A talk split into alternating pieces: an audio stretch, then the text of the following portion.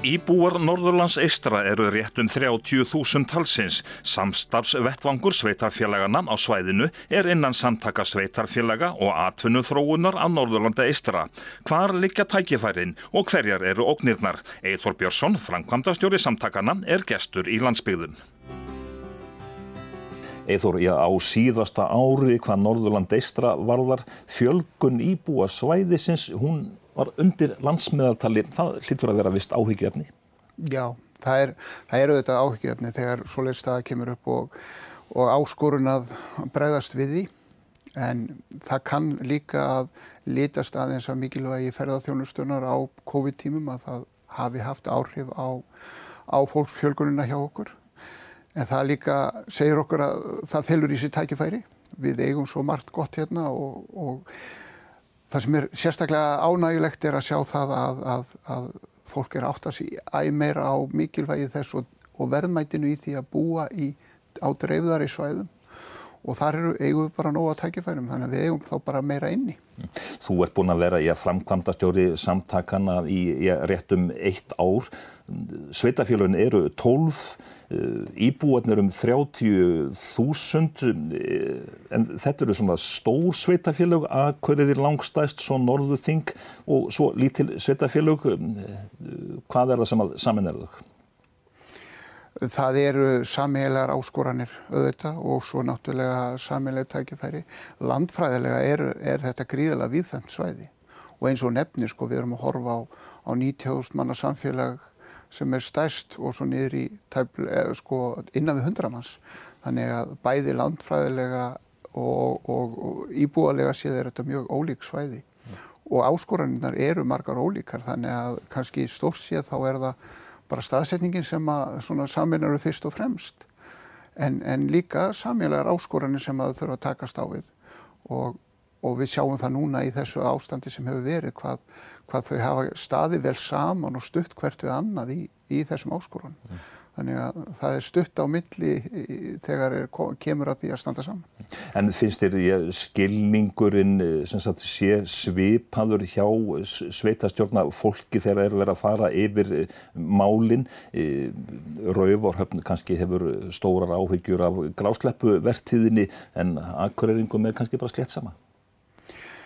Það er rétt að það eru, það eru þessi ólíku áskoranir eh, og, og ástíðabundnar eins og segir það kann að vera vertíð á einu stað sem að er að hafa mikil áhrif eða ver, uh, afla brestur, loðunan auðvitað hérna, hefur haft áhrif austast á okkar svæði líka. Þannig að, en sko það sem ég upplifi í samtali sveitarstjórnarfólks, það er það að þau eru að tala saman, vinna saman og sína skilning á þessum mikla breytileika og þessum ólíku áskorunum sem mæta þeim á, á ólíkun tímum. Mm.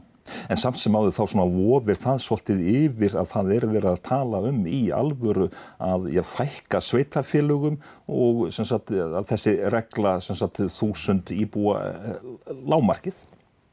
Já, já, það er í samtalinu og það er náttúrulega bara þegar alð, inn á alþingi og, og í umræðum þar þannig að það Ég hef skinnjað það ekki að það hafi áhrif á, á samskipti eða samstarf sveitafélagana, bara alls ekki. Þó að kunna vera og, og, og séu hérna ólík sjónamið. Mm. Hvað það varðar. Mm. En ég er samt sem áður að þessi fámennari sveitafélög þau eru jáfnvel að íhuga að stopna sér samtök. Er hægt því jáfnvel að samband í sveitafélaga það bara liðist í sundur vegna þessa? Já, þannig kemur ná því að ég er lélugur spámaður, ég veit ekki hvað ég ætti að segja við því, en ég myndi tellja það hardla ólíklegt. Og, og hérna uh, hvað verður veit maður ekki því að þegar upp í staði þá náttúrulega verður það ákvarðan alþingi sem að ræður. Og, og ef að sveitarfélög koma sér í þá stöðu að verða skikkuð í saminningar frekar en að uh, svona nálgast að proaktív þá hérna, já, ég held að enginn muni kjósa sér þá stöð á endanum mm. en þetta er kannski eðlilegt samtal miða við afstöðu sveitafélagan og hversu hörðun er á sumstöðum að þetta samtal sé tekið og þess, þetta sé svona ávarpað að, að reyna að fara þessa leið til þess að undistrykka þungan í sjónamiðunum á, á, á, á þeim svæðum sem þannig eru þengjandi. Er það þín svona upplifun að ég íbúar fámennari sveitafélaga að þeir svona, ég standi svolítið svona nær sveitastjórnastíginu heldur en í, í þeim fjölmennari? Um, það er ekki ólíklegt að svo sé það er einfallega bara meiri nánd í minni hérna, samfélögum heldur en þeim stærri þannig að já, ég held að það sé alveg svoleiðis einn rökin, helstu rökin fyrir því að fækka sveitafélögum og gera þó öflugri, þá er talað um að, að innviðinni svo kölluð þeir verði svona öflugri já það reyndir nú heldur betur á innviðina í heimsfaraldrinum hvernig sínist þér sveitafélögin hafa staðið sig svona almennt og, og hvernig fungeraði allt kerfið í raun og veru þegar reyndi á fyrir alvöru? Sko í þessum áskorunum tengt heimsvaraldurinnum þá held ég að maður geti bara sagt að fullum fetum að sveitafélagin stóðu sig framúrskarandi vel. Að mæta þessum áskorunum, takast á við að gera í rauninni takast á við eins og talaður um sko fordamalausa stöðu sem að enginn hafi gatt séð fyrir eða, eða upplifað áður og hafa í rauninni lagt gríðarlega mikið kapp á það að að halda sínu samfélagi gangandi og líka að horfa út fyrir eigin rann og, og uh, vinna saman. Það hefur maður líka séð og, og ég sko tók alveg sérstaklega eftir því að þegar sveitafélug hér á svæðinu sem að kannski heimsvaraldurinn hitti minna, hafði minni áhrif á að þau voru að bjóða til dæmis, sko, ég get kannski tekið starfsfólk hjá þeir í sumarstarf hjá mér. Mm. Þannig að sko þetta samtal og þessi samhugur sem myndast í gegnum þetta, uh, mér fannst hann alveg aðtóðan að verður og sínir í rauninni samtakamáttin í á svæðinu. Mm. Samtöku sveitafélaga á Norðurlandi Eistra, þetta er líka sagt, svona nokkuð svona atfunnuð þróuna félag sagt, að blanda saman sveitastjórnastíginu og svo atfunnu uppbyggingu. Er það góð blanda? Já, ég hygg að það sé bara mjög góð blanda af mörgum ástæðum en fyrst og fremst sko er það nú þannig að, að, að þetta er bara alþekkt náttúrulega á landsvísu að landslutarsamtök samanstanda af akkurat þessum einingum, það er að segja atvinnu þróun annars vegar og, og svo hagsmunageslu sveitarstjórnarsýrsis hins vegar og það, þetta fer yfirleitt alltaf saman þegar upp í staðið að hérna, hagsmunni sveitafélagana og hagsmunni atvinnulísis fara saman.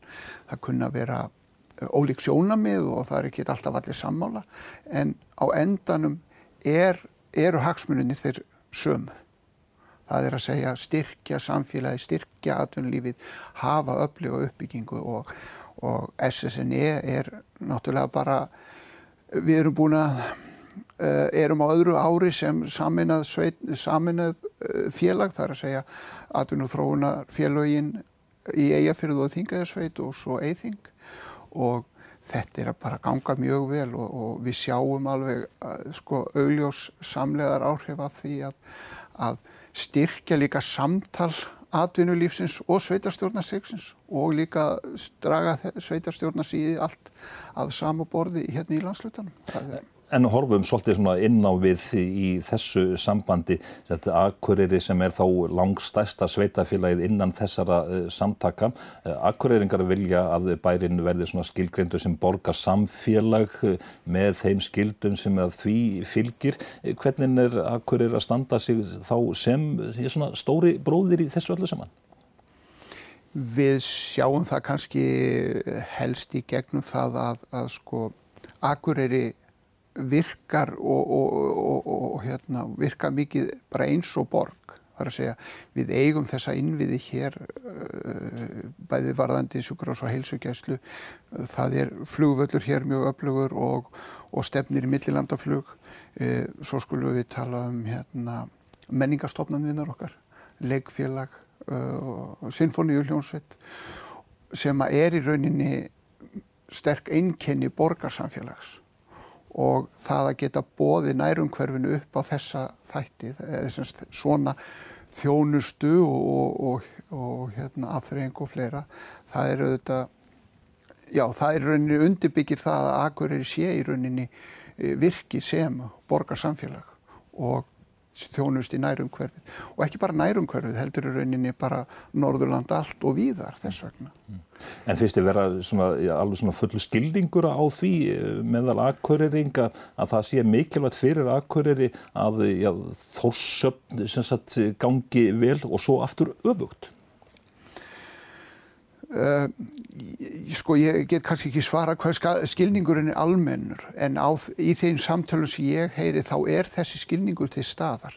Það er að segja nákvæmlega þetta að það, sko, það eru hagsmunir allra að bæði stóra samfélagi hér á Akureyri og önnur samfélagi, uh, samfélagi hérna í kring, Þórsöfn, Bakkafjörður, uh, Siglufjörður, Ólasfjörður, Greinivík sko allir þessi, öll þessi samfélag séu í öflugri virkni og þar séu öflugt atvinnulíf og, og, og innviðir sterkir ég skinn ekki annað en að, að það sé almennu skilningur á því að, að heildin skiptir mestumáli. Mm.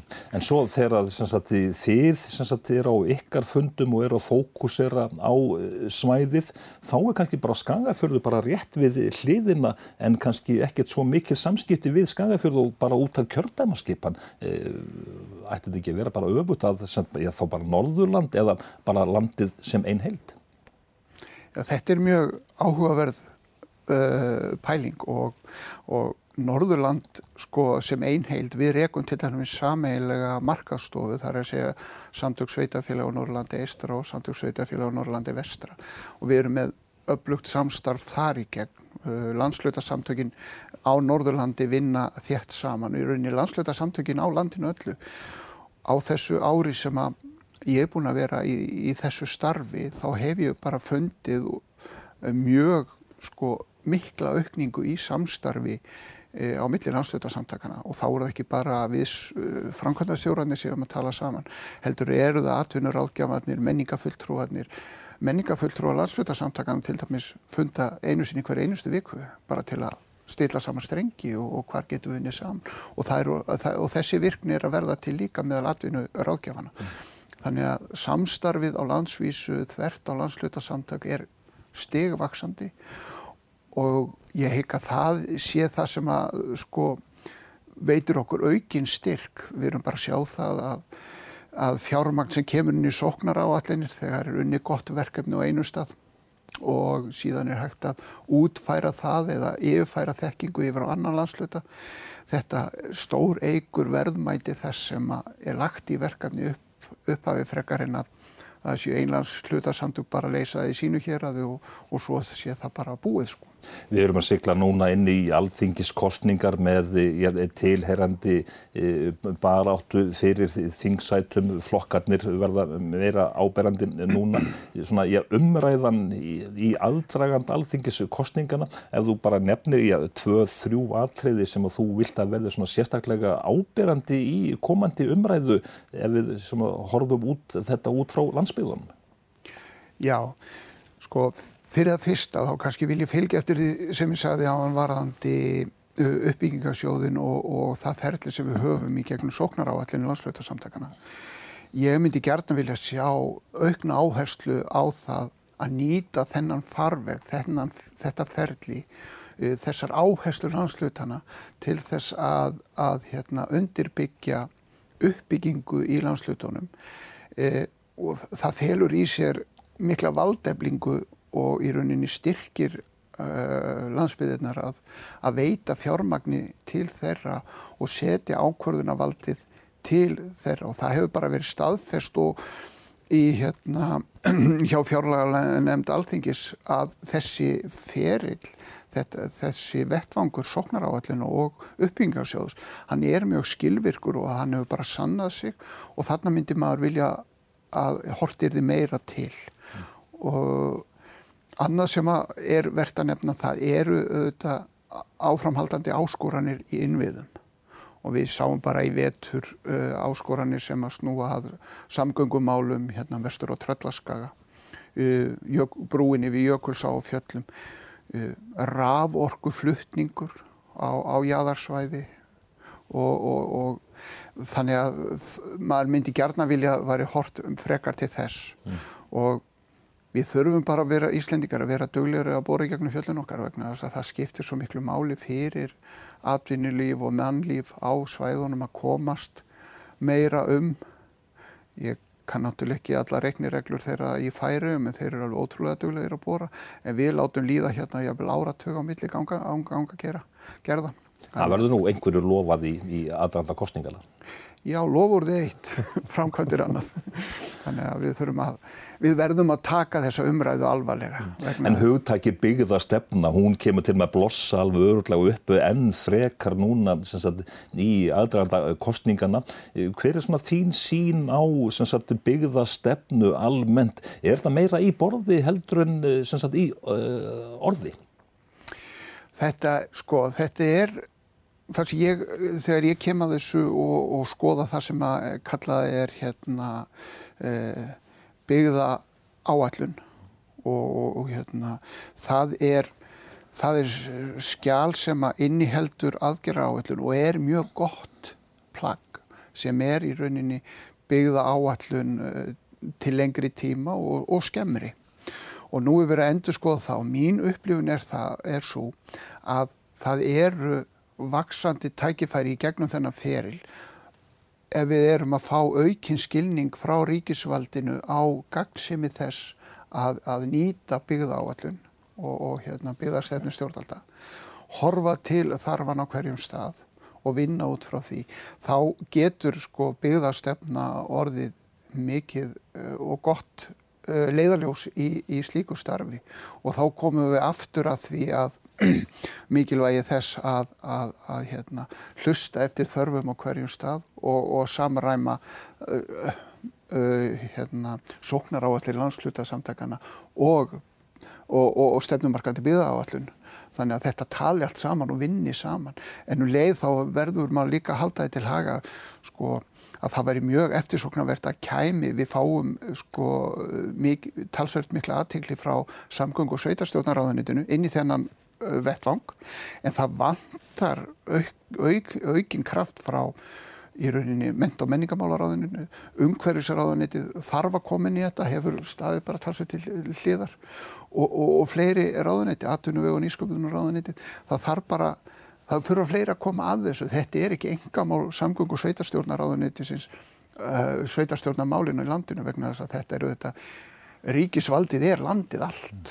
En samt sem áður þá er staðan þannig þegar að vera að tala um þessa svokölluðu innviði að það voru sjálfs eh, samtök atvinnulífsins sem að reyðust í það núna og kynntu nýverið skýslu hvað vantar mikla innspýtingu inn í sagt, imsa innviði til þess að allt sem fungeri það má valla koma slemt veður og þá hrinnur raforkukerfið og samgöngukerfið það vantar gríðarlega fjármunni þar inn.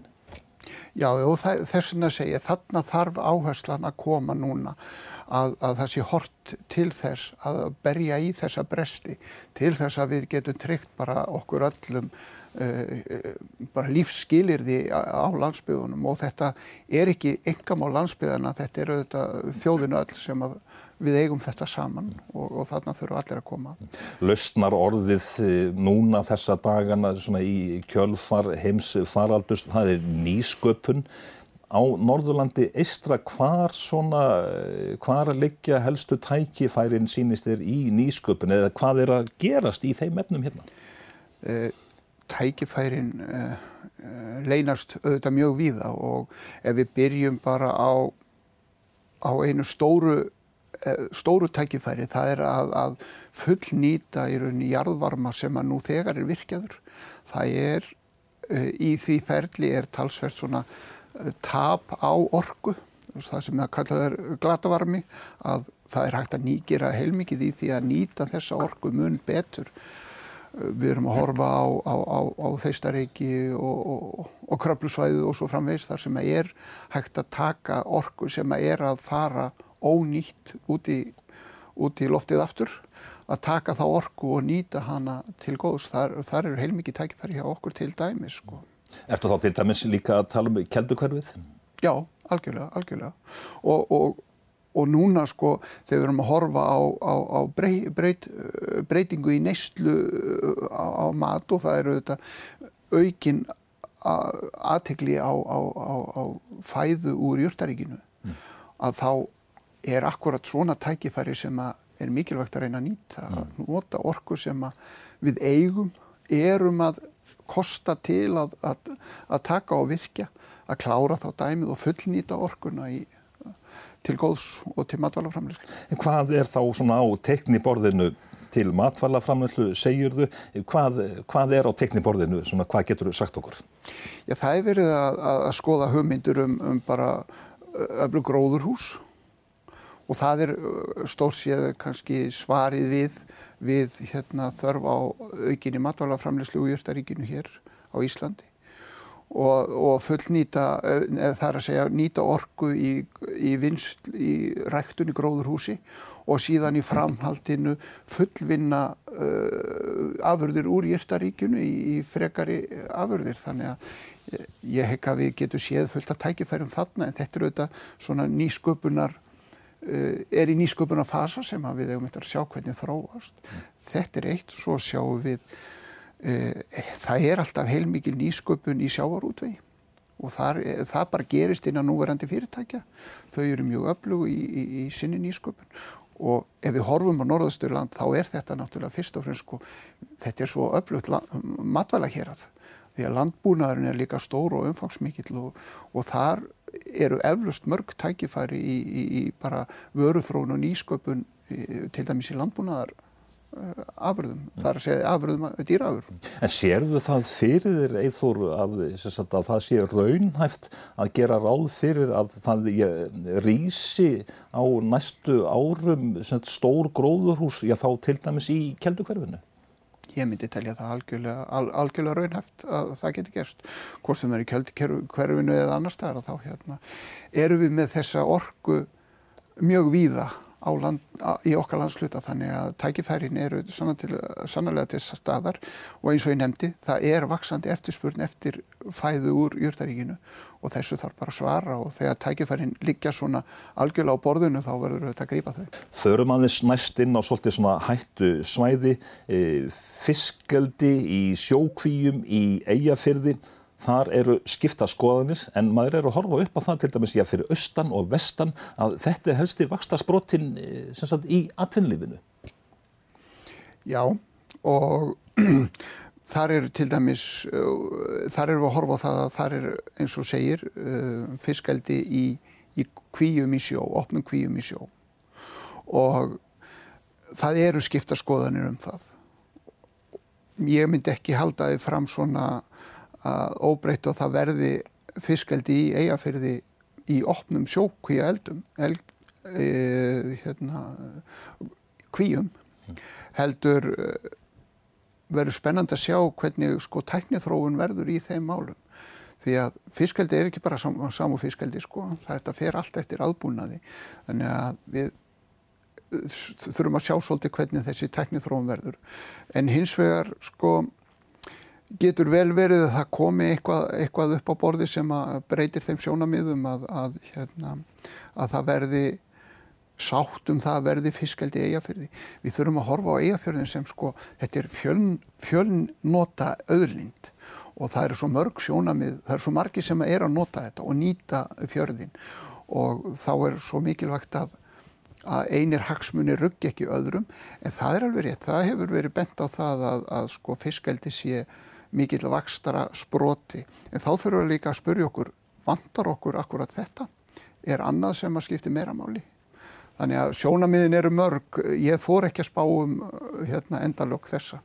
En hversu ég, viðkvæmt er þetta mál á ég, þá sveitarstjórnar stíinu innan þinna eh, samtaka? Þetta eru mjög skipta skoðanir í, í sveitarstjórnir við auðtaverðan eigafjörð eh, eru ekkit ofsátt við akkureyringana sem eru á mótið þessu. Já, það sem að við höfum komið að þessu landslutarsamtökin það er að er stöðlað samtali um málið og það hefur verið núna á nokkuð tíma virkt samtal þar sem við höfum staði fyrir því að fá inn svona sem flest sjónamið til þess að funda með uh, sveitarstjórnum hérna á svæðinu.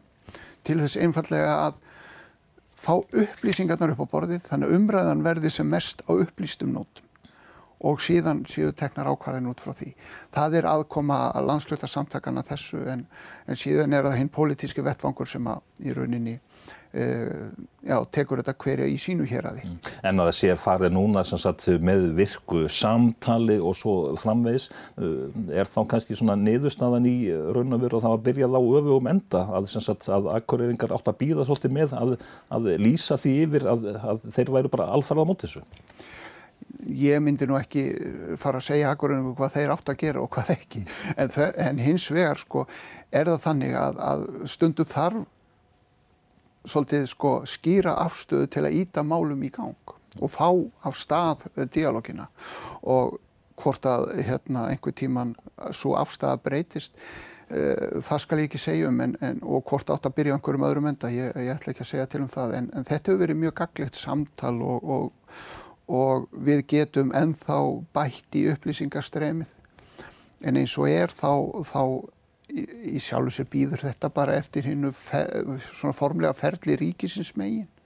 Og, og, og hérna við sjáum bara hvað setur með það hvort að yfir höfuð verður opnað fyrir fiskaldi eigafyrði því eins og er þá er það ekkert í hendi sko. Eifyrðinga þeir, ég hafa mjög talað um mikilvægi þess að, sagt, að það komi meira rafmagn inn á svæðið. Þar er nú svona ímyndilegt að gera og til þess að, að stöðla að aukinni uppbyggingu aðtölinlifsins þá er rafmagnið einn fórsöndan. Já og við erum sem betur fyrir núna að, að sjá fyrir endan á því að inn á þetta svæði sé að koma fullnægandi eh, fluttningur á raforku. Og það í rauninni opnar á ný spennandi tækifæri hjá okkur að, að geta þá uh, verið með mun sterkara fleiri tækifæri í, í, hérna, í verkvarakistunni þegar til okkar er leitað og líka að geta kynnt svæði sem valkost með þessa sterku innviði fyrir aðila sem hafa áhuga á að koma inn á svæðið. Við fylgjumst með Eithor Björnsson, þakka þér fyrir spjallið og komuna. Takk fyrir.